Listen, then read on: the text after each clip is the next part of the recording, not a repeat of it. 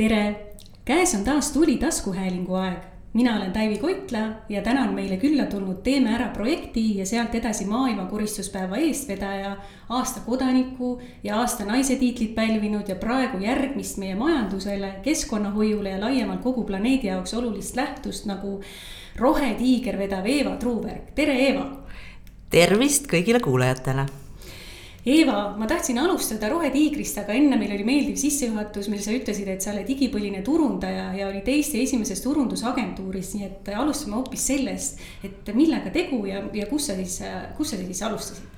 jah, et äh, mul on selline huvitav sünniaasta nagu tuhat üheksasada seitsekümmend, kõik võivad siis arvestada, et mis ja kuidas ja ma läksin Tartu Ülikooli majandust õppima ja mul juba seitsmendas klassis oli see mõte, et ma tahan saada selle aja mõistes turundajaks, ma ei teadnud reklaamist, keegi midagi ei rääkinud, turundusest ei teadnud keegi mitte midagi Eesti territooriumil sel ajal. ja ma kujutasin ette, et ma lähen tööle mingisse suurde firmasse nagu Liviko või Kalev ja hakkan uurima, et miks inimesed mingeid tooteid ostavad, kuidas need tooted peaksid välja nägema ja siis teen neid sellisteks, nagu inimestele meeldib. et see oli seitsmendas klassis minu ettekujutus minu tulevasest tööst ja ma läksin õppima toidukauba tundmist äh, Tartu Ülikooli ja lõpetasin kaubandusinsenerina.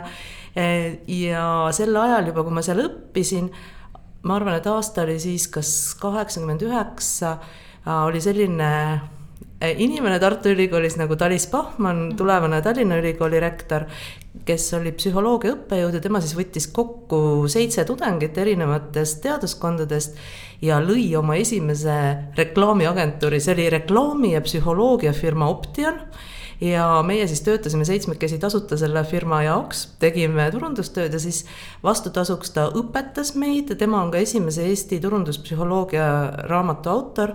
me saime tema käe all õpetust, mida see turundus tähendab, mida esimest korda kuulsin sõna kommunikatsioon. see oli hästi-hästi põnev ja siis praktilist tööd tehes äh, kaheksakümmend üheksa kuni üheksakümmend kolm kevad ma siis seal toimetasin miks see otsa sai siis? ma lõpetasin ülikooli ja otsustasime teha teise äh, neiuga, kellega me seal koos töötasime, siis oma reklaamiagentuuri, sõitsime Tallinnasse praktiliselt äh, päevapealt otsustasime, et tuleme Tallinnasse, teeme oma agentuuri. mitte kedagi Tallinnas ei tundnud äh,, rentisime siin ühe ruumi ja hakkasime peale vaikselt aga see agentuur siis õitses kaua ja, ja millal siis, millal siis lõpetas tegevuse? Äh, mina töötasin äh, turunduse poole peal oma agentuurides neliteist aastat pool aega siis esimeses agentuuris äh, reklaamiagentuur Hunt ja pool aega me mingil hetkel sajandivahetusel tegime kaks agentuuri, kuna siis tuli digiturundus hooga mm. peale, et esimene jäi sellise kogu selle paberträna jaoks ja, ja selline klassikalise agentuurina.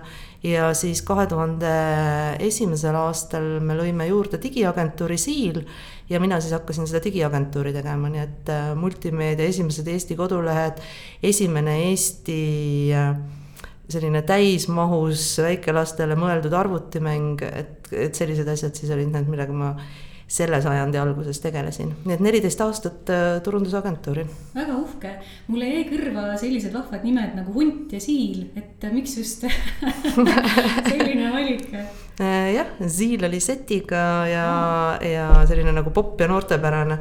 ja see oli siis jah, multimeediaagentuur ja Hunt kuidagi see nimi sündis niimoodi, et äh, ta oli teise omaniku selline väga armas äh, mm, loom ja kujutus, et, et sealt see tuli no väga tore, ilus sissejuhatus ja sobib ilusasti meie tuli taskuhäälingu kuulajatele ka. aga läheme selle põhiteema juurde, miks me täna oleme siia kogunenud, et räägime natukene rohetiigrist ja Rohetiiger jõudis avalikkuse ette kahe tuhande kahekümnendal aastal, aga ettevalmistused selleks ilmselt käisid juba oluliselt varem, et räägi palun natukene sellest, et kus siis see säde süttis või säde sütitas selle suure leegi. ja, ja mis on Rohetiigri eesmärk ja väärtused mm? -hmm. et kõik suured asjad saavad alguse kahe inimese vahelisest vestlusest, et alati on ohtlik kellegagi kahekesi rääkida, sest kunagi ei tea, mis sellest kõik võib sündida noh, vahest on ka neli inimest võib-olla, aga sellisest äh, jah, intiimsemat sorti jutuajamisest. et äh, meil juhtus siis selline asi, et kui me olime just suure maailma koristamise esimese ära teinud aastal kaks tuhat kaheksateist, siis detsembris me olime Äripäeva raadios ka neljakesi ja üks nendest inimestest oli Rauno Raal, kes ütles raadioeetris, et Eestist võiks teha rohetiigri ja see üks lause, mul hakkas kohe film silme ees jooksma, ah rohetiiger, issand kui äge. et tõesti Eestist võiks teha rohetiigri. Ja siis ma ise katsetasin seda ühes järgmises raadiosaates öelda ka, et teeme Eestist rohetiigri. ja see on esimene ja ainus kord, kui ma olen oma raadiosaate peale saanud kirju kuulajatelt ja, ja mitmed inimesed kirjutasid, jaa, teeme, teeme, et, et üliäge mõte ja siis ma mõtlesin, et selles midagi peab olema. ja siis ma pool aastat proovisin leida kedagi, kes siis hakkaks rohetiigrit tegema. aga selle otsimise käigus mul sai endale selgeks, mis asjaga tegemist on, sest ma pidin teisi inimesi ära rääkima. ja siis äh, üheksateistkümnenda aasta augustis sai siis kirjutatud esimene rahataotlus mm, äh, Rohetiigri toetuseks ja üllatuslikult äh, selgus oktoobris, et me saime raha.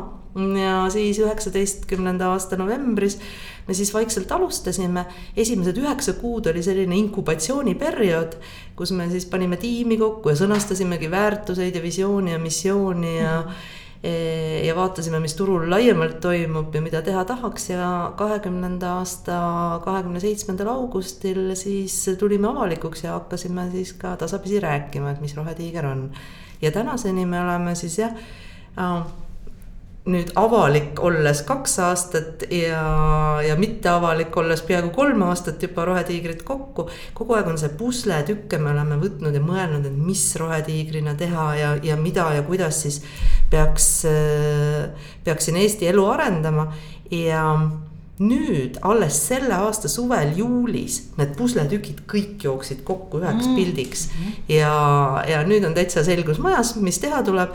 ja kui siiamaani me vaikselt kogu aeg laiendasime seda Rohetiigri areaali, neid teemasid ja ideid tuli kogu aeg juurde. siis nüüd on vastupidi, pilt on koos ja see pilt tuleb kahekümne viienda aasta lõpuks ellu viia mm. -hmm. ja hästi lihtsalt kokkuvõttes Rohetiiger on sektorite vaheline koostööplatvorm eesmärgiga kahe tuhande kahekümne viienda aasta lõpuks äh, mõelda välja ja, ja sõnastada mm, tasakaalus majanduse mudel Eesti jaoks. ehk siis, et millisesse maja, millist majandusmudelit meie siin äh, kodus tööl ja puhkehetkel kõigi kolme sektori osavõtul peaksime ellu, ellu viima ja rakendama järgmised kümme aastat, ehk siis kahekümne viiendast aastast kuni kolmekümne viiendani. et loodame selle plaani valmis saada hästi praktiliselt ja ka teoreetiliselt, sest just üks päev üks inimene ütles mulle, ei ole midagi praktilisemat, kui on hea teooria. nii et kindlasti tahaks ka selle teooria paika saada, saada kokku sellise ühiskondliku kokkuleppe mm. -hmm. ja võib-olla me suudame ka Eesti loo selleks ajaks kõik koos välja mõelda, et mhm. millises riigis, millises millises keskkonnas me tahaksime siis elada kümne aasta pärast ja kolmekümne aasta pärast. ja väga loodan, et igaüks selles loos endale koha leiab ja me kõik koos ka selle ilu, ilusa tuleviku siin Eestimaal saavut-, siis suudame ellu viia me tuleme veel selle juurde tagasi, ma pidin siin sel teemal veidi rohkem, et, et selle tasakaalustatud majanduse visiooni osas, aga enne kui me sellest räägime, räägi natukene ka sellest, et mis, mis need suunad täpsemalt on, mis suundadel te tegutsete, kes on teie liikmed ja keda te ootate liituma mm? -hmm. äh, jah rohetiigril on tänaseks kuuskümmend viis liiget mm -hmm. ja need on Eesti mõistes tublid, tugevad, suured organisatsioonid, kellel on valgustunud juhid.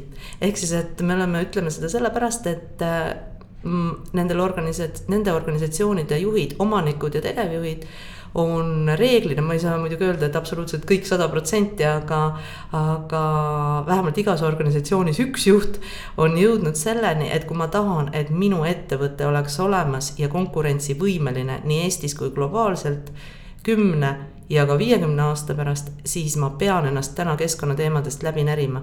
Nad on aru saanud, et see teema ei kao mitte kuhugi mm, -hmm. et äh, selles osas, kui täna alustada, õigel ajal alustada, et äh, siis on võimalik siin isegi elu, edukas olla ka äriliselt, leida uued ärimudelid, et ma, ma olen täiesti veendunud, et me oleme täna keskkonnateemadel samas kohas kus me üheksakümnendate alguses olime digiteemadel. ehk siis me olime maailma edukatest riikidest kaugele maha jäänud ja me kujutasime ette kõik, et äh, raamatupidamist peetakse aegade lõpuni ruudulises vihikus ja pangas tuleb raha järel isiklikult kohal käia ja oma väikse tšekiga siis ühelt kontolt teisele summasid tõsta.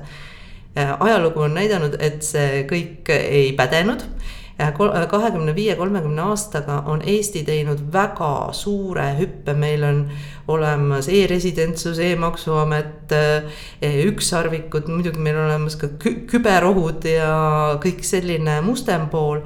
Aga keegi meist ei oleks üheksakümnendate alguses osanud ette kujutada, kuhu me jõuame. Ja Eesti on täna üks teenäitajatest maailmas selles vallas kui me oma tänase positsiooni ära kasutame samamoodi keskkonnateemadel, siis ma arvan, et siin toimub hüpe veel kiiremini ja veel suuremalt kui digiteemadel. ehk siis see saab läbivalt olema kõigis sektorites ja, ja see areng on sellel aastakümnendil ülikiire, nii et soovitan soojalt kõigil ikkagi läbi mõelda oma ärivõtmes, et äh, mis on need minu mõjukohad, kuidas minu tootele, teenusele mõjub see keskkonnateema ja siin ei pea olema paduroheline, siin võib ka olla täielik pragmaatik, aga need teemad tuleb enda jaoks selgeks teha ja oma toode-teenus selles vaates üle vaadata. Ja oma organisatsioon samamoodi muidugi aga ettevõtlus ja ettevõtjad on üks suund, teil on ju tegelikult ka veel vabaühendused, siis on eraisikud, eks, et, kes veel? et äh, erasektori suund on võib-olla jah, selles mõttes äh, isegi kõige suurem, et kuna me ka mhm. selle majandusmudeliga tegeleme ja siin on äh, kuuskümmend viis organisatsiooni juures, kellega me suhtleme tihedalt siis lisaks sellele meil on tegelikult kuus suunda kokku mm, -hmm. teised on siis avaliku sektori suund, kus me siis äh, hästi tihedat sidet hoiame riigi poolega just nende org-, äh, organisatsioonidega ja inimestega, kes siis keskkonnateemadega tegelevad. siis meil on äh, vabakonna suund, seal on meil võib-olla kõige huvitavam asi selline uus demokraatia äh, kasutamise mudel nagu kliimakogud, mida me oleme Eestisse toonud ja siin edukalt rakendanud, väga huvitav formaat ja me siin hakkame ka kindlasti nüüd kokku panema Rohetiigri sõnumeid äh, valimiste eel erakondadele, et see on ka meil seal vabas, vabakonna all. siis on meil erasektori suund või tähendab, eraisiku suund, üksikisiku suund, millega siis me püüame leida seda Eesti lugu, et kõigi lugupidamisega kõigi turundusagentuuride suhtes ma arvan, et, et seda ei saa osta agentuuri käest, seda Eesti lugu, vaid see peaks tulema läbi loomeinimeste südame ja, ja pea, see kuidagi maa peale see lugu, nii et püüame loomeinimestega koostööd teha ja siis on meil akadeemia suund. meil on Rohetiigri Akadeemia, mille kolmas lend nüüd juba alustab sel sügisel. Äh, jälle hästi-hästi äge formaat, kõigile soovitan, meil on veel kaks vaba kohta. alusta, alustame kahekümnendal oktoobril, nii et sain ka väikse reklaamipausi siia vahele. väga hea, mul oli plaan seda, plaan seda hoogustada ka, nii.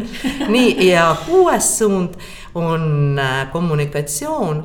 ehk siis, et jah, olles ise, ise turundustaustaga ja maailma koristamist teinud, ma olen näinud, et see mida sa teed, peab olema hästi kahe jalaga maa peal, peab olema hästi sisukas, aga mitte üks asi tänapäeval ei lenda, kui siinjuures ei ole väga heal tasemel kommunikatsioon. nii et selle me oleme täiesti endale teadvustanud, et meie kommunikatsioon ei ole kindlasti selline võib-olla paljudele isegi eriti nähtav, aga me oleme võtnud seisukoha, et me ei ole arvamusavaldaja igal, igal peol pruut ja igal, igal matusel kadunuke ja ei arva igal teemal mis, mis parajasti ette satub, vaid me oleme sellised alalhoidlikud ja tegeleme pigem kommunikatsiooniga, otsesuhtluse kaudu inimestega ja, ja organisatsioonidega, et mitte ei ole need püstolarvajad igal, igal hetkel aga kui me tuleme nüüd näiteks äh, erasektori juurde tagasi ja ettevõtete juurde, siis mida liikme staatus äh, neile annab või kas nad saavad sealt tarkust, kas nad saavad ka ise panustada, kas nad saavad ise teemasid algatada, et mis see, mis see, mis see nende roll seal täpsemalt on? Äh, jah seda kõike, mis sa ütlesid, seda, seda nad saavad, aga me oleme selle niimoodi kokku võtnud, et liikmetele meil on selline väärtuspakkumine kolmes osas ehk siis esimene kõige olulisem on see, et meie liikmetega koos me teeme mm, Rohetiigri teekaarte ja me korjame kokku ühiskondlikku tellimust, et see tähendab siis seda, et äh, erinevates valdkondades me selgitame välja oma liikmete hetkeolukorra, väljakutsed ja keskkonnateemadel nüüd eelkõige ja ka need kännud ja probleemid, mis neil on ja mis takistavad neil oma eesmärke saavutamast ja oma ideid ellu viimast. ja just see, et mis siis näiteks riigi õigussüsteem või, või maksusüsteem või kus seal need kännud on. ja siis me omavahel, noh, me ei lähe kindlasti mitte ühe ettevõtte mingit ühte äriprojekti kuhugi lobistama, vaid me analüüsime, sõelume need murekohad ja siis paneme nad lauale seal, kus tundub, et, et abi võiks paista lahenduste leidmisel. et see on esimene asi, siis teine asi on see, et me pakume koolitusi ja enesearendamist, meil on selline baas koolituskursus läbi aasta kõigile liikmetele tasuta, kus siis oma keskkonnateemalisi ja kestlikkuse teemalisi teadmisi tõsta. ja meil on ka erinevad äh, sellised tulipunktide, valupunktide läbirääkimised, koolitused, mis siis, mida liikmed saavad ise öelda, et vot see teema sobib, näiteks seesama rohepesu teemal on meil olnud koolitus, nüüd viimane just oli äh, panganduse taksonoomia teemaline, et meie neli liiget panka olid siis laval ja rääkisid kaks ja pool tundi sellest, mis siis ettevõtteid kohe hakkab ees ootama panganduse poole pealt, et, et millised äh, aruandluse reeglid on tulemas ja, ja kuidas selleks kõigeks tuleks valmistuda siis ettevõtte poole pealt. ja mm, siis kolmas suund on see, et äh, me toome neid ettevõtteid ka omavahel kokku, sest tihti on nii, et nii ettevõtete juhid omavahel kui ka need niinimetatud särasilmad ehk muutuste juhid ehk keskkonnateemadega tegelevad inimesed igas organisatsioonis. Nad tunnevad ennast natukene üksi nendel teemadel, ehk siis igaüks pusib oma, oma organisatsioonis ja ühel hetkel sa ei tea, kas sa oled teinud õigesti või sa tahaks teada, mis teised teevad. Ja me toome inimesi omavahel kokku, et nad saaksid äh, kontakte ja saaksid oma muredest, rõõmudest rääkida, seega käime üksteisel külas, vaatame ettevõtteid seestpoolt ja, ja teeme siis ka mõningaid sündmusi, noh näiteks Arvamusfestival oli selles mõttes hea koht, et seal oli Rohetiigri ala terve päeva ja õhtul siis pidasime oma teist sünnipäeva, et mm. jälle oleks inimestel võimalus kokku saada omavahel. no väga tore, aga lähemegi natukene konkreetsemaks nende projektide osas, mis te olete juba ellu viinud et eelmisel aastal viisite koostöös advokaadibüroo Sorainen ja õiguskantsleri kantseleiga läbi toiduteemalise õigustalgu. ja selle eesmärgiks oli välja selgitada, millised on need juriidilised põhjused või takistused, mis ei võimalda inimestel ja ettevõtetel toidu raiskamist vältida et või vähendada siis, et noh, jah. mis, mis on selle õigustalgu tulemus, et äkki sa räägid natukene sellest ka ja nüüd on aasta möödas, et kas selle viimase aastaga on mingisuguseid arenguid toimunud või midagi muutunud võrreldes sellega, mis toona kirja sai pandud mm? -hmm see on väga hea, et sa küsid õigustalgute kohta, sest äh, kui ma peaksin tooma välja kõigist nendest Rohetiigri tegevustest ühe siukse pisikese lemmiklapse või sellise, mille üle mul endal on siiralt hea meel, siis see on just õigustalgud, et et see mõte teha õigustalguid juba sündis, minu meelest see oli aasta kaks tuhat kümme, kui Ülle Madise ütles, et äh, kuule, et äh, nüüd me oleme seda metsaalust puhastanud ja talguid teinud erinevas formaadis, et äkki peaks õigustalgud tegema, et Eesti õigusruumi puhastama, sellistest vananenud ja jalgu jäänud äh, õigusaktidest ja sätetest ja see tundus mulle ülihea mõte. ja alles nüüd siis eelmine aasta, kahekümne esimesel aastal ehk siis pea üksteist aastat hiljem mul tuli see tunne, et nüüd on see aeg saabunud, et teeme ära ja siis koostöös Soraineni advokaadibürooga ja õiguskantsleri kantseleiga me siis kutsusime ellu õigustalgud ja just toidu ja toidu raiskamise teemadel, mis jälle on toit ja toidu raiskamine ka üks mu lemmikteemasid, mm. et, et see, siin ma võin kohe muidugi terve saate täis rääkida. aga me tegime, alustasime siis niimoodi, et et kõigepealt meil oli hästi suur kampaania Hoia head toitu eelmine kevad ja selle kampaania üks osa oli siis see, et me kutsusime inimesi üles andma teada, et millised on need müüdid toidu raiskamise osas või siis kogemuslood, et äh, millal neil on mingi õigussätte tõttu öeldud, et sa pead selle toidu ära viskama, et äh, sa ei saa seda kasutada ja meil oli siis nii meiliaadress kui ka telefon kaks nädalat, kuhu siis saadi oma teateid jätta. ja kokku me saime sellised kakskümmend müüti lugu ja need siis omakorda andsime üle Soraineni büroole. ja mina küll alguses, no ma ei suutnud ette kujutada, et kuidas on võimalik neid lugu, nendest lugudest teha õigusanalüüs, et äh, et meil olid ikka sellised jah, kogemuslood. Ja sealt, milline kümneleheküljeline dokument sealt tuli, see on lihtsalt super, et ma tõesti siiralt soovitan kõigile, et keda natukenegi toiduohutus ja õigustalgud ja ja see teema puudutab ja kõnetab, et Rohetiigri koduleheküljel pange sisse sõna õigustalgud ja te leiate selle dokumendi üles kümme lehekülge see on super lugemine ja eile just ma käisin keskkonnaministeeriumi korraldatud ka toidu jagamist ja, ja siis toidu raiskamist puudutaval seminaril ja seal olid kohal erinevate ministeeriumite esindajad, sest me tegime seda õigustalguid ka koostöös nelja ministeeriumiga, kuhu siis need tulemused laua peale läksid, pluss Maksuamet.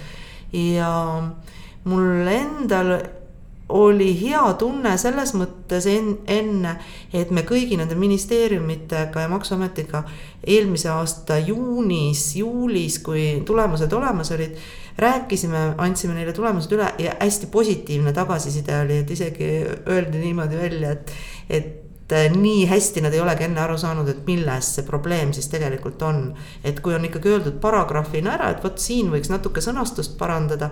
et, äh, et siis see oli nagu väga hästi arusaadav ja noh, mis välja tuli, oligi see, et kõige suurem probleem oli just see ebaselge sõnastus ja konkreetsete juhendite puudumine, siis nii toitlustusettevõtetele äh,, restoranidele, hotellidele kui siis äh, ka kaubandusele ja ma ise väga lootsin, et on, on suures osas asi paremaks muutunud nüüd aasta jooksul.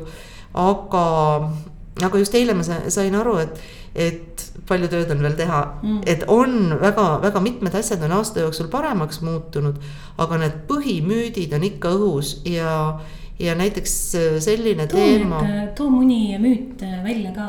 no näiteks see, mis, mis riik konkreetselt soovitab, Toiduamet näiteks on see, et inimene ka oma kodus ei tohi äh, tarvitada toitu, kui sellel on kõlblik kuni äh, kuupäev saabunud mina olen väga konkreetselt selle vastu, mina arvan, et inimene peab olema kahe jalaga maa peal, meis on veel seda talupojatarkust ja, ja arusaamist nii palju, et me võtame sellel äh, kodujuustu topsil kaane pealt ära ja maitseme ja nuusutame, et äh, kas ta on söögikõlblik. sest kui kukub sekund või päev sellest tähtajast, siis, siis ei ole see toit veel ohtlik, seda enam, et kodus ma ise vastutan iseenda eest ja teine teema näiteks, mis oli üks põhilisi müüte, mis hästi paljudest äh, kõnedest meil ka välja tuli eelmine aasta, oli see, et catering, kui ma olen ise maksnud catering'i eest, ma olen tellinud catering'i, siis mul ei lubata seda toitu pärast mm -hmm. kaasa võtta, et mis mõttes.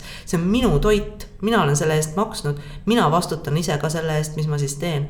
aga seal on kindlad juhendid, toiduohutus jälle, et nii kui see toit on olnud välja pandud, nii seda enam ei tohi kaasa võtta, et on ka väikesed erandid nagu leivad, saiad ja mingid asjad, mille kohta öeldi, et võib-olla pigistatakse silm kinni. aga teine külg on see, et, et me peame teadma, et see toit, mis ei ole veel välja pandud, seda meil on nagu õigus kaasa võtta, et seda ei saa öelda mitte üks toitlustaja meile ka, et ta ei anna meile meie toitu kaasa, mis ei ole veel välja pandud. et seadus keelab seda, tegelikult ei keela. et, et see õigus on olemas ja noh, mis oli nagu kummaline, oli see, et ma eile just rääkisin ühele poepidajale, väikese ökopoe pidajale, peale seda, kui ma sealt tulin, et käisin sellises kohas ja tema ütles, et ja jah, et, et neil oli just käinud paar nädalat tagasi kontroll niimoodi, et oli tulnud poodi, nad panid poe kell kümme õhtul kinni, oli tulnud poodi kolmveerand kümme ja oli rääkinud hästi kurva loo, kuidas ukrainlastel kellelgi ei ole süüa kusagil ja et kas need toiduained, mis muidu läheks äraviskamisele praegu, et kas nad oleks valmis need kaasa andma talle ja poeomanikud tulid vastu. ja pärast tuli välja, et see oli kontroll ja nad said väga räige trahvi selle eest. minu meelest see on alatu, see on lubamatu, et selliseid asju meie riigis tehakse nõustun, küsingi selle peale seda, et kas see tuumiktrio, kes need õigustalgud äh, esile kutsus, et kas, kas te olete ka nii-öelda järelvaataja rollis, et. et hoiate kogu aeg kätt pulsil ja küsite, et kas juba saab äh, need muudatused ellu viidud, mis kogutud sai, ettepanekud tehtud sai või. või lihtsalt äh, ootategi lihtsalt hea tahte kontekstis, millal ja kas need ära tehakse? jah, ei, me ikka suhtleme ministeeriumitega tegelikult ja ma olen üldiselt, praegu tuli küll võib-olla teistmoodi välja, aga ma olen üldiselt hästi, hästi positiivne positiivne selles suhtes, et, et samamoodi sealpool inimesed tahavad tegelikult asju paremaks mm -hmm. muuta. ja sellest bürokraatiast meid ka natukene võib-olla eemale tuua, et asjad oleksid inimlikud, et, et ma ei ole üldse läbivalt negatiivne, ma arvan, et, et see koostöö on hea ja need mõtted liiguvad õiges suunas, lihtsalt vahepeal löövad mingid sellised hästi emotsionaalsed ja kurvad teemad sisse. ja ma ei saa küll kahjuks öelda, et me oleks nüüd pidevalt näppu pulsil hoidnud, aga aasta jooksul me oleme mitmel korral küsinud, et kui see on jutuks tulnud ja ette sattunud ja oleme ka Sorainene bürooga omavahel seda arutanud, et, et mis, mis vahepeal juhtunud on. Ja meil oli ka plaan tegelikult, et me ühel hetkel teeme ka selle järelkontrolli, et, et vaadata, et mitu, mitu parandust ja mismoodi on tehtud mm, -hmm. aga mhm. tänaseni on, on see veel kahjuks tegemata mm. -hmm. aga teine võib-olla selline positiivne asi on see, et me nägime, kui hästi see formaat jälle tööle hakkas ja ma oleksin hästi positiivne selles osas, et seda võiks kindlasti veel teha mm. -hmm. et näiteks pakendi teemal nüüd, et, et sõeluda läbi kogu see pakendi teemaline õigusruum ja maksuruum, mis meil olemas on. Ja vaadata, kas see motiveerib äh, pakendeid äh, keskkonnasõbralikult tootma ja õigesti käitlema või mitte ja kus, kus seal on võib-olla kohad, mida saaks paremaks muuta ja võib-olla siia juurde veel, et, et äh, Soraline büroo, kui ta seda analüüsi tegi, siis ta võrdles ka meie õigusruumi Prantsusmaa ja Lätiga just seetõttu, et ka nemad on Euroopa Liidu liikmed ja vaadata, et kuidas siis nemad on Euroopa Liidu õigusakte äh, oma riikides äh, niimoodi koha peale toonud, et kas need on karmimad või leebemad kui Eestis ja et kuidas me, kuidas see praktika siis nendes riikides võrreldavalt on hüppame tagasi selle teema juurde, mida sa sissejuhatuses põgusalt juba mainisid, ehk tasakaalus ta,, tasakaalustatud majanduse. tasakaalus majandus. tasakaalus majanduse visioon. kes siis äh, seal korraldustiimis või tuumik on, kes panustavad sellesse, äh, kui kaugel te olete sellega, et olete oma tiimiga varem välja öelnud, et kaks tuhat kakskümmend kaks peaks siis see dokument valmis saama Äh, mis siis, mis, mis, mis, mis teil toimub seal, räägi. Et äh, kuna see on meie põhieesmärk, siis äh, selle suunas me töötame kõigi, kõigi meie kuue tiimiga. Mm, -hmm. nii et tegelikult on ühel või teisel viisil kõik rohetiigrid seotud ja kindlasti ka kõik kuuskümmend viis liikmesorganisatsiooni, et meil just nüüd algavad süvaintervjuud igaühega kaks tundi. Äh, intervjuusid ka siis sellesama ühiskondliku tellimuse korjamiseks, mida me siis pärast koostöös Praxise ja Äripäevaga analüüsime ja töötleme. Et, et see, see on üks teema.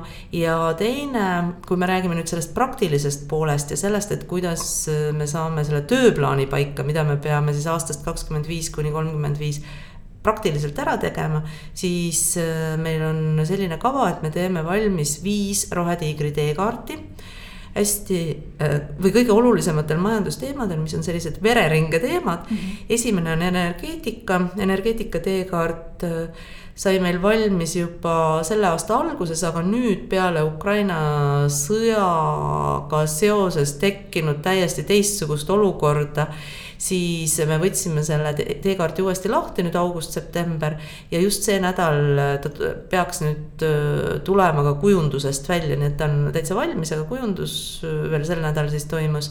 nii et järgmisest nädalast on ta kindlasti loetav ka. Ja ta on väga hea dokument, minu jaoks kõige olulisem see, et seda lugedes me saame aru, et paanika võib maha võtta, meil ei ole vaja äh, näidata kogu aeg näpuga ja öelda, et mis kõik kümme aastat tegemata on, vaid aktsepteerime seda olukorda, kus me täna oleme ja teeme need asjad ära nüüd palun. et me järgmine kümne aasta pärast, aastal kolmkümmend kaks ei oleks seal, et, et me ainult räägime sellest, mis aastal kakskümmend kaks tegemata jäi.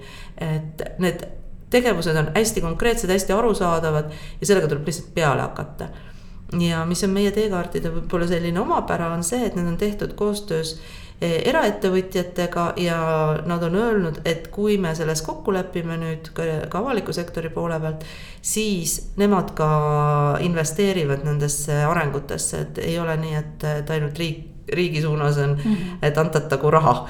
et, et seda ei ole. järgmine teekaart on ehituse teekaart, see on siis alates maavarade kaevandamisest kogu ehitusprotsess projekteerimisest kuni ehitusjäätmete käitlemiseni ning ka avalik ruum ja sealt edasi tulevad siis transport, maakasutus, mille alla käivad äh, siis nii metsandus kui põllumajandus ja ringmajandus. ning omakorda nende teekaardide alla siis koostöös Riigikantselei juurde loodud rohekoordinatsiooni bürooga peaksid sündima ka ligi kakskümmend hästi sektoriaalset teekaarti, et näiteks noh, sellises suurusjärgus nagu toiduainete tööstus, IT, pangandus ja need omakorda kasutavad kõik, et iga sektor ju kasutab energiat, kasutab ehitust, kasutab transporti. nii et sisend tuleb nendest äh, vereringe teekaartidest ja omakorda sinna alla tulevad veel väiksed teekaardid. ja nüüd äh, see on see praktiline osa ja see kõige praktilisem osa ehk teooria. selle me siis äh, teeme seeläbi, et meil sellest sügisest alustas EBS-i juures doktorantuuris äh, doktor, tulevane doktor Martin, kes siis kes siis äh, on lubanud oma doktoritöö teemana just seda tasakaalus majandust äh, uurida ja käsitleda, et vaadata, mis siis on mujal maailmas majandusmudelid ja kuidas seda siis siia Eestisse tuua. ja siis kaks veel sellist väiksemat asja, et nii järgmine, ülejärgmine kui kakskümmend viis aastal me teeme kolm suurt konverentsi, kus me siis toome rahvusvahelist teadmist Eestisse hästi äh, sihukesel kõrgel tasemel, et vaadata, mis mujal maailmas juba toimub, mis on hästi tehtud. ja väga loodan, nüüd on jälle, nüüd on jälle reklaami hetk ehk siis väga loodan, et esimese äh, konverentsi peaesineja on Bill Gates. Nii et kui kellelgi kuulajatest on juhuslikult Bill Gatesi telefoninumber, siis äh, selle üle oleks väga hea meel, kui, kui seda jagatakse. nii et plaanis on jah, äh, Gates Eestisse kutsuda järgmisel aastal. ja teeme ka kolm arenguraamatut, sellega me siis alustamegi Äh, nüüd järgmine nädal nende kahetunniste intervjuudega kõigi liikmetega, selle pealt siis tuleb analüüs kokku. ja esimene aastaraamat saab valmis või see arenguraamat saab valmis järgmise aasta veebruaris ja siis sealt eda-, see paneb paika sellise aluse ja arusaamised, kus me täna oleme ja järgmised kaks äh, arenguraamatut siis juba näitavad, et kuhu me liigume ja kuidas me areneme no selle telefoninumbri naljaga jätkates, et Nordic Business Forumi korraldajad kindlasti. Äh, Nende oma... käest olen ma küsinud juba. ja, keeldusid andmast. ei, andsid äh,. Äh, nad andsid need kontaktid, mis neil olemas olid ja nad ütlesid ka, et äh, kahjuks neil on, ei ole õnnestunud Gatesi kutsuda veel, et nad on mhm. püüdnud mitu korda mm. -hmm. ja ma sain need numbrid ja nende kontaktid, kõik seal on hästi tore korraldaja mm -hmm. ju eestlane ka juures mm, -hmm. nii et no aga läheme rohepesu juurde, mida sa ka vilksamisi enne mainisid, et ähm, see on meie kuulajatele väga tuttav termin ja paljud on selle sildi külge saanud, paraku õigustatult, aga on ka suur hulk neid, keda on see just väga ettevaatlikuks teinud ja võib-olla mingisuguseid sõnumeid ja, ja asjade elluviimist veidi pärssinud. Et sina oled sel teemal ka sõna võtnud ja keskkonnaaktivistina sa teps mitte ei poolda selle termini lõtva kasutamist, et räägi natukene oma mõtetest rohepesu kontekstis ka jah, et äh, ma saan aru, et see ei ole võib-olla kõige populaarsem seisukoht äh, kõikide inimeste hulgas ja, ja seda enam, et ma tõesti keskkonnateemadega olen tänaseks viisteist aastat tegelenud.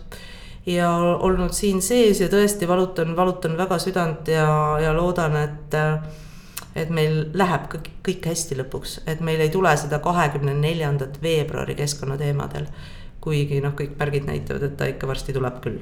aga see selleks, et täna ei ole üldse see, see hirmutamise koht, vaid pigem ma olen ka seda usku, et, et olles ju ka turundaja olnud ja näen ja tean, mis tähendab ettevõtte pidamine ja, ja majanduses hakkama saamine, siis ma saan täiesti aru sellest, et ükski suur organisatsioon, ka väike organisatsioon ei saa teha niimoodi, et kolmekümne esimesel detsembril ma majandan ja toimetan ühtemoodi ja esimesest jaanuarist ma olen läbivalt roheline. no seda asja ei juhtu, me võime pea peal seista või mida tahes teha, seda lihtsalt ei juhtu, sest kõik asi, selline tegevus on protsess ja ka rohepööre iseenesest ei ole eesmärk, vaid on teekond.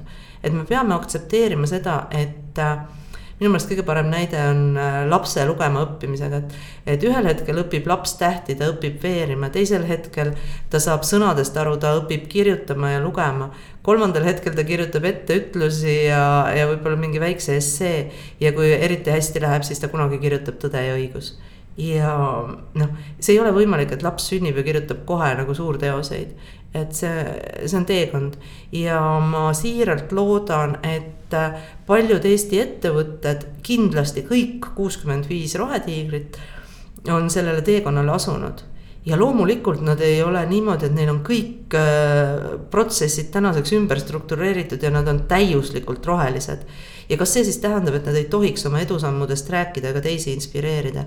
et minu meelest vastupidi, et, et ka oma pisikestest edusammudest tuleb rääkida ja kui need viivad õiges suunas ja on tehtud puhtast südamest mitte manipulatsiooni eesmärgil ja mitte selles mõttes, et ma itsitan ise pihku ja mõtlen ahah, et näitan lollidele, et olen roheline, aga ise, ise teen nagu äh, nii nagu ikka. vaid on selge tahe ja arusaamine, et kuidas ma edasi liigun, mis on mu järgmised sammud, kuhu ma jõuan aasta, viie aasta ja kümne aastaga ja ma päriselt teen neid asju et siis minu meelest on väga õige ja väga vastutustundlik sellest rääkida.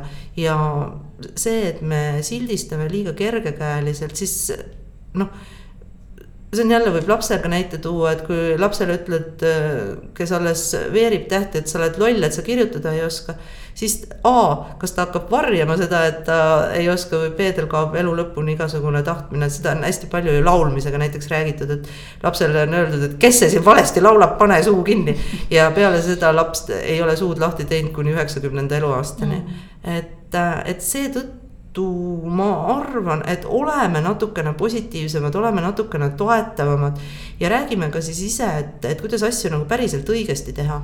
et üks hea näide on praegu see puude istutamine, et, et ma saan aru ökoloogidest, ma suhtlen nagu hästi tihedalt, eriti, eriti armas teekaaslane Aveliina Helm, kellega me neid asju arutame kogu aeg ka.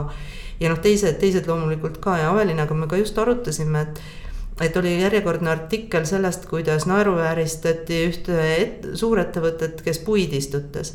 et loomulikult ma saan ka aru sellest ökoloogia seisukohast, et, et mets on tervik ja parem on seda metsa mitte maha võtta, et mets kasvaks ja oleks mets, mitte puupõld, et, et see on väga õige lähenemine aga no ütleme sellele ettevõtjale siis, mis ta päriselt tegema peaks, et kuidas oleks õige siis seda, kas metsa taastada või ta tahab anda tagasi ju keskkonna jaoks mingit äh, oma panust et anname talle siis nagu ilusti äh, need asjad ette, et vot, et kui sa seda teed, see on kõige parem rahakasutus, et äh, Eesti loodusele kasulik olla.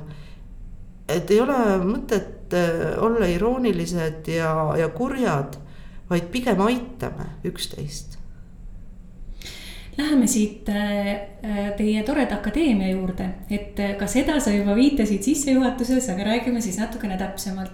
et kaks vaba kohta, nagu ma saan aru, on Rohetiigri Akadeemia kolmandal, kolmandas lennus veel alles ja esimese kahe lennuga on ligi kolmekümne ettevõtte esindajad saanud tarkusi ja teadmisi ja, ja see akadeemia, kui ma õigesti aru saan, toimub nelja ülikooliga koostöös, eks ja nüüd ma tahaksingi teada, et mis siis see täpselt on, mida sealt saab, keda te ootate sinna, kes need kaks, kaks kohatäitjat võiks olla. ja, ja ka seda, et needsamad toredad inimesed või ettevõtted, kes on juba osalenud teie akadeemias, et kas, kas, kas sa oled märganud ka, on nad juba mingisuguseid sealt saadud teadmisi ka reaalselt ellu rakendanud, et räägime natukene mm -hmm. sellest ka Äh, ja see Rohetiigri Akadeemia sai alguse, see oligi üks esimene asi, mis meil alguse sai. kahekümnenda aasta kahekümnenda aasta septembris me esimese lennuga alustasime, me nimetasime neid pilootideks, sest see oli pilootlend. ja see oli päris huvitav protsess juba seetõttu, et me müüsime ja kutsusime organisatsioone osalema kahekümnenda aasta kevadel, kui oli esimene see suur koroonapandeemia ja keegi ei teadnud, mis saama hakkab ja kuidas ja kuidas üldse klassiruumides õppida, et kas me kunagi veel ühes klassiruumis koos saame olla, et. see oli selline müstiline aeg ja, ja noh, Tiigriga me olime alles väga alguses, aga see minu meelest läks ülihästi, see esimene lend, kes kokku sai mul oli nägemus oli see, et peavad olema hästi erinevad organisatsioonid, viisteist organisatsiooni ja hästi erinevad just seetõttu, et nad ei oleks omavahel konkurendid. et nad saavad rääkida ühes ruumis ka ärisaladustest ja üksteisega jagada, et mis nad siis keskkonnateemadel teinud on ja kestlikkuse teemadel ka laiemalt. ja et see oleks selline aus avatud õhkkond ja et oleks hästi erinevad organisatsioonid, et nii äriettevõtted kui riigiettevõtted kui riigiasutused.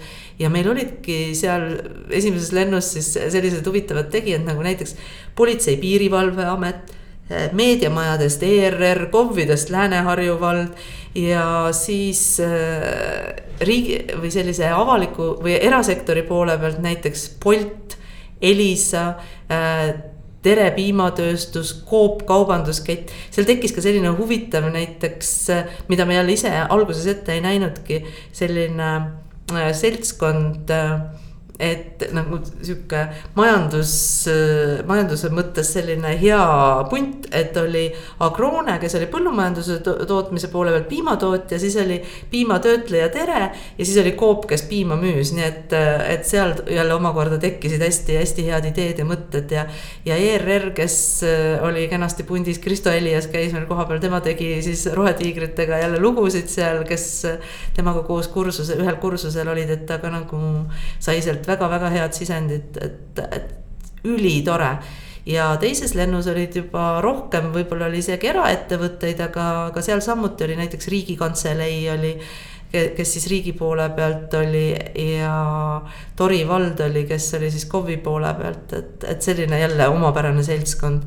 ja sel aastal tundub ka, et, et väga põnev, et lausa kaks äh, meediaorganisatsiooni on, et Äripäeva kirjastus ja äh, TV3 on, on tulemas.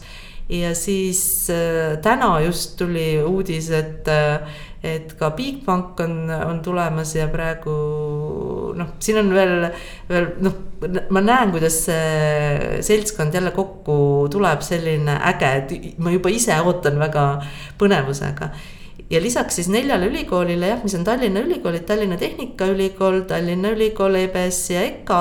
on meil siis äh, head partnerid äh, Milton ja Sustinere, kes siis oma konsultantide poole pealt aitavad kaasa.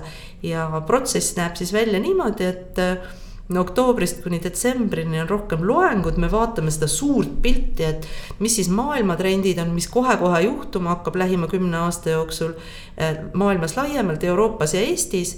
ja siis hakkame iga organisatsiooni puhul tema mõju kohta välja selgitama, et sest Äh, mulle meeldib siin seda näidet tuua, et äh, näiteks advokaadibüroo, et tema mõjukoht kindlasti keskkonnateemadel ei ole see, et kuidas need kakskümmend advokaati kontoris prügi sorteerivad või kas nad joovad oma kohvi ühekordsest topsist või, või korralikust portsellankruusist. see on ülioluline, aga see on tänapäeval pigem juba selline hügieeni küsimus, et see peaks korras olema. tegelik mõjukoht on selles millist nõu need advokaadid annavad. et kui nende juurde tuleb näiteks mingi uus õlitehas, mis on ilmselgelt äh, reostav ja raiskav, et kas nendel on äh, sirgeselgsust öelda, et meie väärtustega ei käi kokku sellist projekti nõustada. et me ei arva, et see oleks keskkonnasõbralik tegevus, et seal on see tegelik mõjukoht.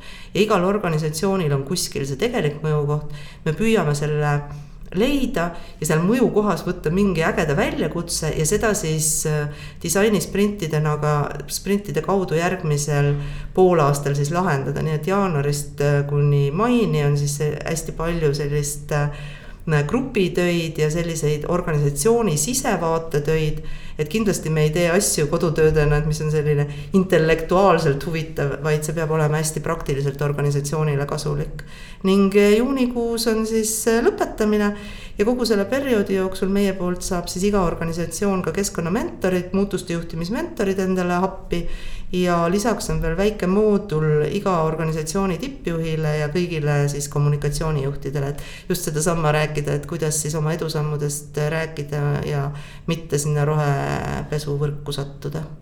Ma küsin veel kaks täpsustavat küsimust selle akadeemia kohta, et akadeemia üks esindajaid, härra Vihma, on viidanud ka seda või välja toonud ka seda, et et, et te ootate pigem osalema siis ühest ettevõttest mitmeid inimesi, mitte nii, et, et üks inimene ettevõtte kohta just selle eesmärgiga, et üks inimene ei võtaks sealt saadud teadmisi endaga kaasa, vaid oleks ettevõttes sees keegi nii-öelda sparringupartner, kellega neid teemasid edasi arutada ja koos hakata ellu viima. või siis, et kui see üks inimene läheb töölt ära, et siis ta ei võta kogu selle ettevõtte know-how'd kaasa, et kas see, kas need kaks kohta, mis seal praegu tühjad on, et kas te sinna ootate siis ühest ettevõttest pigem kahte inimest? Äh, ja sinna see ongi, me võtamegi organisatsioone, igast organisatsioonist on, selles tuumiktiimis on äh, kaks-kolm inimest mm. -hmm. ja see on just selle jaoks, et, me ei hari ühte inimest, kes võib organisatsioonist ära minna.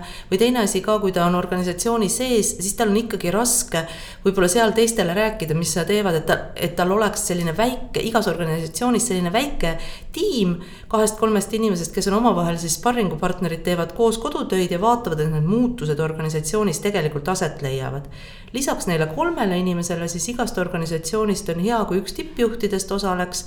tal on oma moodul seal korraga veel ja siis hea, kui kommunikatsiooni pool oleks kursis, muidugi võib ka kommunikatsioonijuht olla üks neist kolmest. ja meil on kõige suurem tiim on olnud tegelikult kokku oli üks, ükskord kohal seitse inimest ühest organisatsioonist, nii et ega me otseselt ukse taha ka kedagi ei saada, et kui on kellegi jaoks hästi oluline loeng või hetk, et tahab kohal olla aga nendest äh, konkreetsetest muudatustest või arengutest, mida siis ettevõtted on reaalselt ellu juba viinud, et äh, härra Vihma tõi ka välja selle, et äh, akadeemias osalenud kommunikatsioonijuhid või konkreetne juht oli ettevõttes peale seda akadeemia läbimist ümber positsioneerinud ennast ja positsioneeritud kui kestlikkuse juht, mitte enam kommunikatsioonijuht. et, et mis, mis veel ärisuundades või, või, või teistes valikutes on teile, teile teadaolevalt ellu viidud või muutused juba rakendatud? et on, on selle kohta ka sul veidi? jaa, ma julgeks öelda, et, et need hüpped on olnud no meile endale on need kõik väga meeldinud ja väga-väga muljetavaldavad mm., sest me oleme ka kõikide nende kohta teinud Äripäevas äh, loo iga lõpetaja kohta, et nad on saanud siis öelda, kus nad enne olid, kuhu nad jõudsid ja mis need nende enda eduelamused on aga võib-olla jah, siin täna siin raadios ma tooksin isegi esile Jolose mm, -hmm. et äh, Katrega meil oli hästi-hästi tore koostöö ka, et nemad osalesid meil eelmises lennus ja minu meelest see hüpe ja see, mis nad on nüüd julgenud ette võtta, ma ei taha öelda, et see on ainult nüüd Rohetiigri ja Rohetiigri Akadeemia asi. aga siin natukene oma saba ikka kergitaks ka, et, et ma arvan, et, et see Jolose lugu on üks edulugusid ja see, et kuidas nad tegid see suvi just ka Boldi ja Wise'i neid ülisuuri mm. rahvusvahelisi sündmusi ja nad tegid need väga väga keskkonnasõbralikud, et see oli muljetavaldav tegelikult no väga tore, me peame sellest Jolose eduloost veel eraldi saate tegema. soovitan soojalt.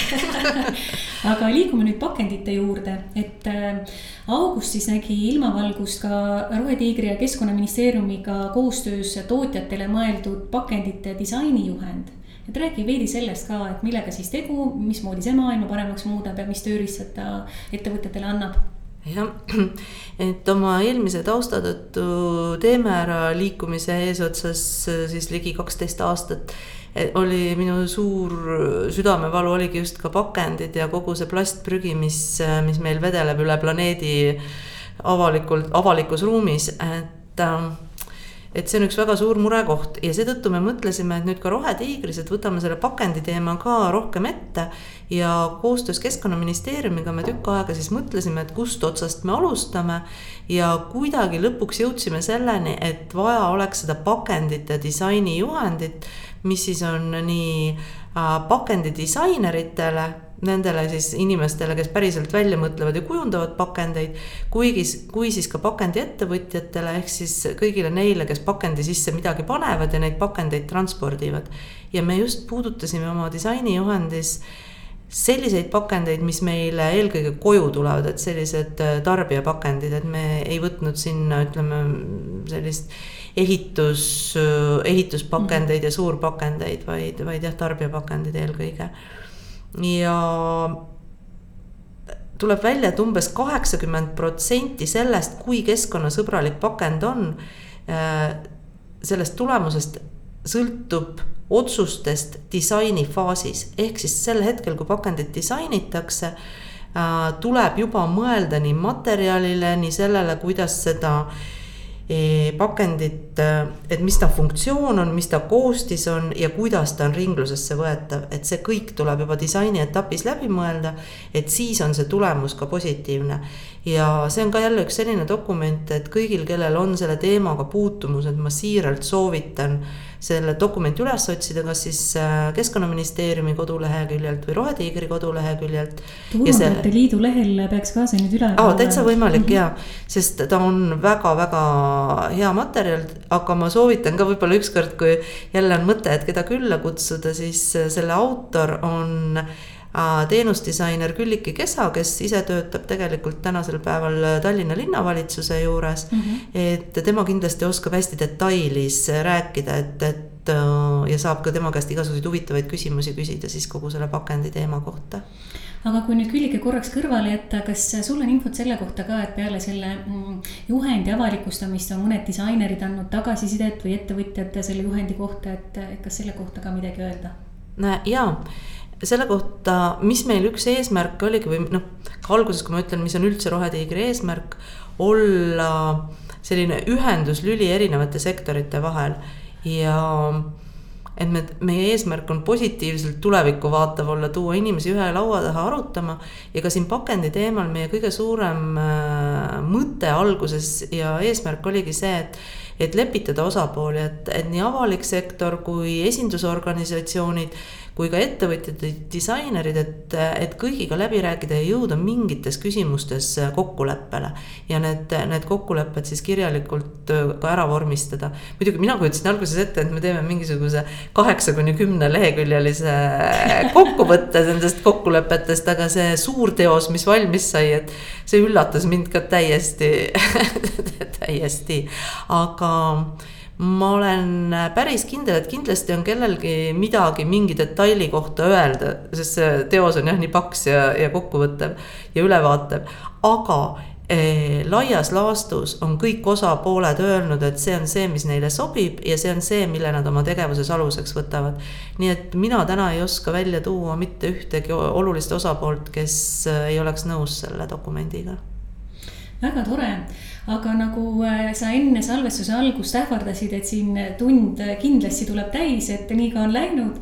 et hakkamegi vaikselt äh, otsi kokku tõmbama, et et äh, lõpetame sellise vahva noodiga, et ähm, praegu, kui me salvestust teeme, on Tallinnas käimas VTA tenniseturniir mm. ja sina oled ka suur tennisesõber ja kui mu luureandmed mind ei peta, siis möödunud aasta lõpus kogusite te oma tenniseklubiga kokku vanad tennisepallid ja saatsite mööblitööstustesse äh, selleks, et oleks siis mööblijalgadel pehmenduseks samas on viimastel aastatel tekkinud päris akuutne probleem, et tennisepalle ei ole saada ja põhjuseks on see, et pandeemia ajal olid paljud tehased kinni. siis on tooraine hinnad metsikult kasvanud ja tooraine ei ole enam nii kättesaadav ja nüüd ma viskangi sulle sobilikult pintpalli, et teada saada, et, et kuidas sina lahendaksid seda probleemi, arvestades seda, et tennisepallidega ehk nende tarnega on nagu nad on ja ka Tallinna turniiri korraldajad turniiri eel võtsid meedias sõna ja, ja nentisid seda, et häda on äh, silmapiiril. ja, ja kui arvesse võtta ka seda, et tegelikult tennisepalli aktiivse kasutuse nii-öelda eluiga on väga lühike et mida annaks siin ära teha, et, et, et see protsess kuidagi äh, keskkonnasõbralikumalt toimima panna, et äh, mhm. mis mõtted sul siit tulevad? see on väga hea küsimus, see on kohe nii hea küsimus, et nüüd tuleb teine hoiatus, nüüd läheb teine tund veel. sest äh, see on selline teema, millega ma ei tegele oma nagu töisest ajast, vaid see on minu selline vabatahtlik ja mhm. hobiprojekt. ja kusjuures ei ole minu ellu kutsutud, vaid minu armas tenniseklubi Reval Ladies mm. -hmm. jah, Rohetiigrist küll natukene inspireerituna, aga arvas ühel hetkel, et võiks selle hirmsa reostamise ära lõpetada, et me viskame kaks-kolm korda mängitud pallid mm -hmm. olmeprügisse ja nad lihtsalt lähevad põletusse, kui see on tegelikult selline ressurss, mida võiks kasutada, seda on võimalik hästi lihtsalt puhtalt kokku korjata. ja teine asi, nagu sa õigesti ütlesid, et see ressurss hakkab meil ka lõppema ja isegi see, kui palju me Eestis äh, tennisepalle aastas raiskame, mul ei ole see arv praegu peas, aga, aga selle saab hästi lihtsalt guugeldada, pall pole prügi eh, koduleheküljelt et see, see on uskumatu ja see on õudne. ja me otsustasime jah, et me korjame need pallid kokku. pooleteist aastaga me oleme kokku kogunud seitsekümmend kaks tuhat palli Eestis. ja nendest viiskümmend tuhat me oleme saatnud Taani mm. mööblid alla aluste tegemiseks mm. Ja äh, siin on järjekordne reklaamikoht praegu. ehk, ehk, ehk kui kellelgi tuleb mingi hea idee, mis nendest pallidest võiks Eestis teha. me hea meelega ei saadaks neid Taani mm.. me otsime koostööpartnerit, töötlejat töötlejat, kes tahaks Eestis nende pallidega midagi peale hakata ja me oleme muide võimelised koguma neid ka Lätist, Leedust ja võib-olla mõnest Põhjamaast ka, nii et see pallikogus võiks ka palju suurem olla kui viiskümmend tuhat aastas. nii et mõelge, kuulajad. Ja aga, aga siis tõesti, et et mis nendest pallidest ka teha saab, on see, et kuna see pallipuudus on nii suur, siis on olemas näiteks Hollandis me oleme leidnud selline huvitav huvitav tehnoloogia, kuidas pallid kokku koguda ja neist toota uued pallid, et vanad pallid mingil moel purustada ja neist mm -hmm. toota teise ringi pallid aga me oleme nendega ka ühendust võtnud, nende hollandlastega, aga, ja palusime ka Eestisse saata neid taaskasutatud palle, et me saaks proovida, kas nendega mängida on võimalik. aga siiamaani nad ei ole suutnud meile neid palle saata ja me ei ole saanud nendega ikkagi sellist head sidet, et meil oleks julgus ja võimalus öelda, et me saadame need Eesti pallid sinna ja saame sealt taaskasutatud pallid vastu. et seda kahjuks ei ole olnud, aga saab ka selliseid pisikesi asju teha, et näiteks me oma tenniseklubis, kus me ka iga nädal mängime seltskonnatennist, otsustasime sel aastal just septembris, et äh, me kasutame palle ühe ringi rohkem, kui me siiamaani kasutasime. et paneme väiksed kleepsud peale kõigile nendele pallitorudele ja saame teada, et, et mitu korda me oleme neid kasutanud, nii et nad ei lähe kindlasti nii kiiresti prügikasti, kui nad, kui nad varem läksid, et selliseid pisikesi asju saab teha. ja, ja minu jaoks on selle projektiga kõige tähtsam asi selline õpetuslik äh, ringmajandust visualiseeriv eesmärk, ehk siis, et see näitab selgelt, et kui me korjame ühte mingit kindlat toodet või materjali kokku puhtalt, ilma et ta oleks äh, teiste jäätmetega segamini, siis seda saab uuesti ringlusesse võtta ja tahaks selle väga ilusasti ära tõestada siin Eestis ka, et me ei peaks teda transportima sinna Taani, et see on praegu veel selline südamevalu, et see transpordi jalajälg on seal vahel. Eeva, suur aitäh sulle selle põneva vestluse eest. Ja aitäh ka hea kuulaja, täpsemat infot, sealhulgas liikmeks astumise kohta saab siis lähemalt vaadata rohetiiger.ee veebilehelt. Mina olen Taivi Koitla ja täna oli saates külas Rohetiigri eestvedaja Eva Truuverk. Salvestus toimus kolmekümnendal septembril kahe, kahe tuhande kahekümne teisel aastal Worklandi stuudios